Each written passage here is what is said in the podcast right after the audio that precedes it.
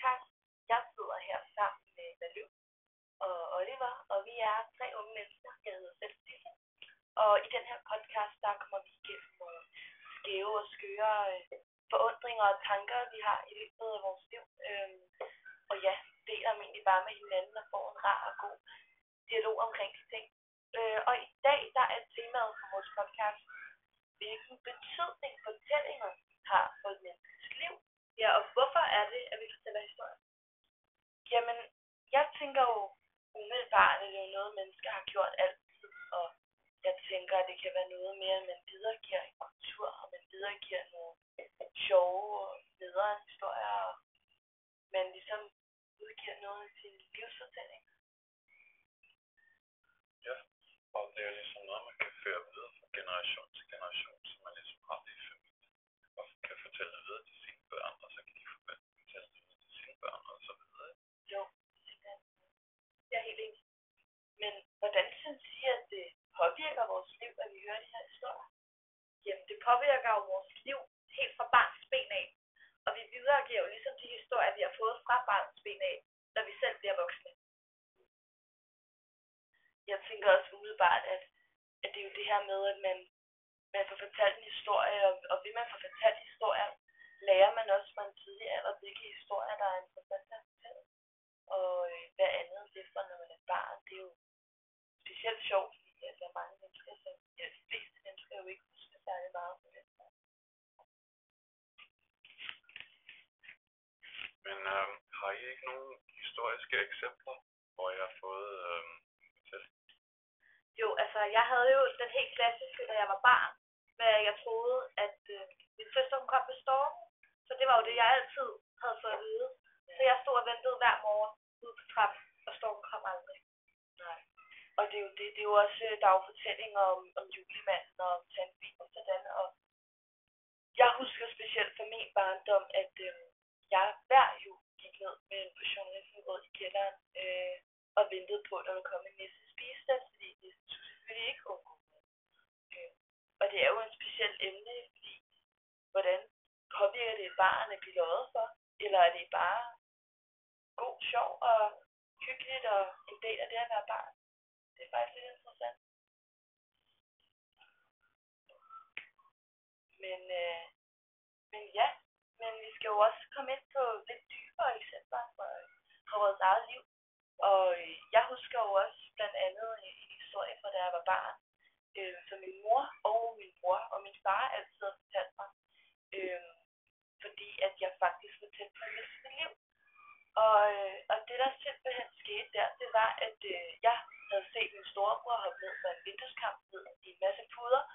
Øh, det skal siges, at han lige er de her små fem år ældre end mig, små, der var han altså en del højere end mig, og ellers var rigtig stor i min klasse. Øh, og en dag, da jeg lige var alene på mit værelse, der fik jeg lyst til selv at prøve, som de havde set ham gøre. Men jeg havde glemt en ret afgørende faktor, som er det her med puderne på gulvet.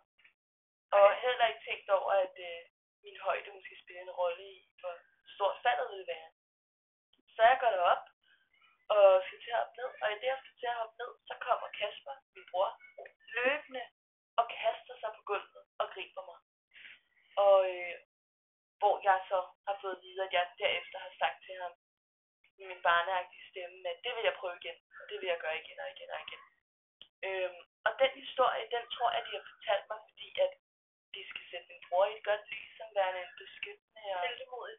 ja, en heldemodig øh, oplevelse og en god bror, jeg har, der passer på mig, og, og samtidig også en, der handler om, at man skal sgu passe på sig selv, og skal ikke bare hoppe ned på ting. Øhm, og jeg har jo lært, at man skal jo passe på sig selv, og jeg har lært, at man selvfølgelig ikke bare skal gøre det, alle andre gør, når man skal ud af det måske. Så, hvad har I nogen, øh, nogle erfaringer eller en historie, I har fået fortalt, fra da I var små måske? Men jeg kunne godt tænkt mig at spørge, altså hvordan påvirker det dig, at, at dine forældre har givet dig den historie? Altså føler du, at du ser din bror mere som en helterolle gjorde jeg, øh, altså jeg, man kan jo sige, når man har en stor søsken, tror jeg, der er mange små søskende, der kan relatere til, at man jo ser op til dem, og, og synes, at alt det, de gør, er rigtigt. og, øh, og bestemt har han påvirket mig til det yderligere, at han var jo stor og stærk og greb sin lille søster, som han jo elskede. Det har jo påvirket mig til at få et meget heroisk, som du selv nævnte før, øh, syn på min mor. Det har været positivt.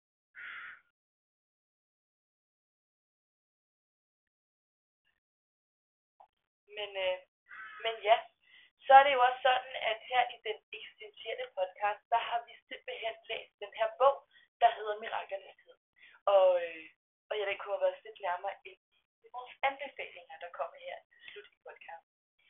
Øhm, og der er det jo sådan, at der er Gloria og Kumal, øh, og Gloria fortæller Kumal øh, en masse historier fra hans opvækst. Ja. Og øh, det ender jo faktisk, spoiler alert, med at øh, med den rigtige sandhed egentlig kommer frem til. Og så kunne jeg tænke mig at spørge jer, om øh, hvordan I synes, det påvirker læseren at læse de her historier, jeg bliver genfortalt. Jamen forskellen er jo, at de historier, som Gloria fortæller øhm, Kumal, det er jo ret voldsomme historier. Ja. Og ikke historier, som man på normal vis vil fortælle børn. Øhm, og det, altså, de historier, hun har fortalt ham, har ligesom været en del af hans identitet. Hvor tandfæn for os har ikke været en del af vores identitet. Men fordi at det omhandler hans forældre og hele hans barndom, så bliver det lige pludselig en del af ham. Ja, og der kan man jo sige, at det er en lidt mere, en lidt mere afgørende og vigtig historie, jeg hører. Øh, nu er det jo sådan, at Kumal har haft en, en barsk fortid øh, med det, man får fortalt. Det er jo, at hans mor hun døde i et brændende tog. Øh, og jeg tænker også umiddelbart, at, øh, at læseren bliver påvirket i den forstand, at man ligesom hele tiden mærker en form for, i hvert fald jo længere vi kommer ind i teksten, mærker øh, mistroen mod øh, Gloria, som, som faktisk viser sig at være biologisk.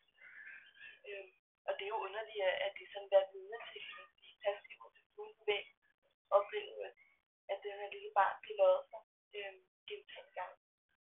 Men hvilken betydning tror jeg, det har for Gloria at fortælle de her Ja. falske, falske historier? Jeg tænker, at det er det, der er med til, at hun holder sig oppe. Hun vil ikke øhm, bære den skam, der er ved sandheden.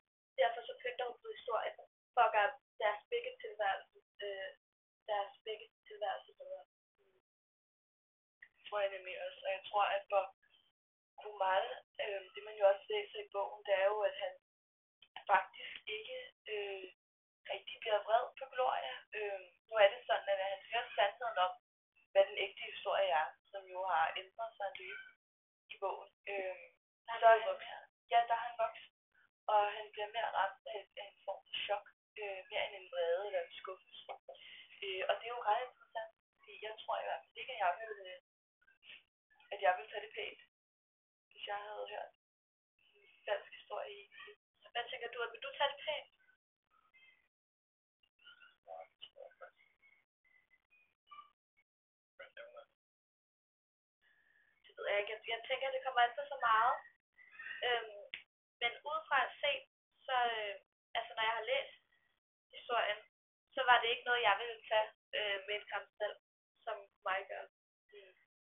Fordi, men man kan jo også sige, at, at det er jo, han er jo blevet løjet for, øh, at ligesom den eneste, han har. Men det, man jo finder ud af, det er jo, at Gloria er hans biologiske mor. Så det er ligesom sådan et lille dilemma, fordi han har hele sit liv sørget over mor død. Øhm, men det har været en løgn for hans mor har faktisk været så tæt på, som hun kunne være i hele hans liv. Øhm, så jeg tror også, det er en, en svær situation at, øh, at være i. Men jeg tænker, at vi alle sammen kan blive enige om, at det var en, det var en god fortælling, det var en god bog, Mm. og det bringer os videre til dagens anbefalinger. Det gør det nemlig. Og men vil du ikke uh, tage hul på det? Det vil jeg gerne. Dagens anbefaling er Miraklernes Tid, øhm, som vi har brugt de sidste par uger på at komme igennem. Og jeg tror, at jeg kan snakke for os alle sammen og sige, at det var en meget øh, dejlig oplevelse. Det var en fed læseoplevelse, og det er altså en varm anbefaling for den eksistentielle podcast herude. Øhm, og vi håber selvfølgelig, at I vil give den et, øh, et lyt. Vi hørte den faktisk både som lydbog og, øh, og læse den i virkeligheden, så det kan vi varmt anbefale. Og derudover vil vi også øh, lige give, øh,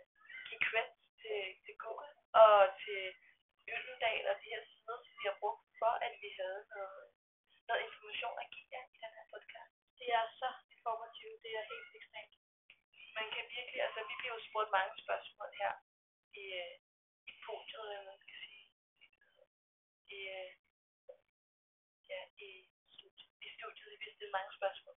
Øhm, og det vi egentlig kan sige, det er, spørg Google. Fordi vi har sgu ikke alle svarene. Vi nyder at snakke sammen. Vi nyder ikke at belære hinanden. Men øh, jeg tror egentlig, vi er ved at runde af her. Det var en lad os, lad os stoppe med spørg Google. Ja, og jeg er rigtig glad for, at I gad at sidde med mig i dag. Og øhm, Vi er bare glade for, at vi måtte komme. ja, og så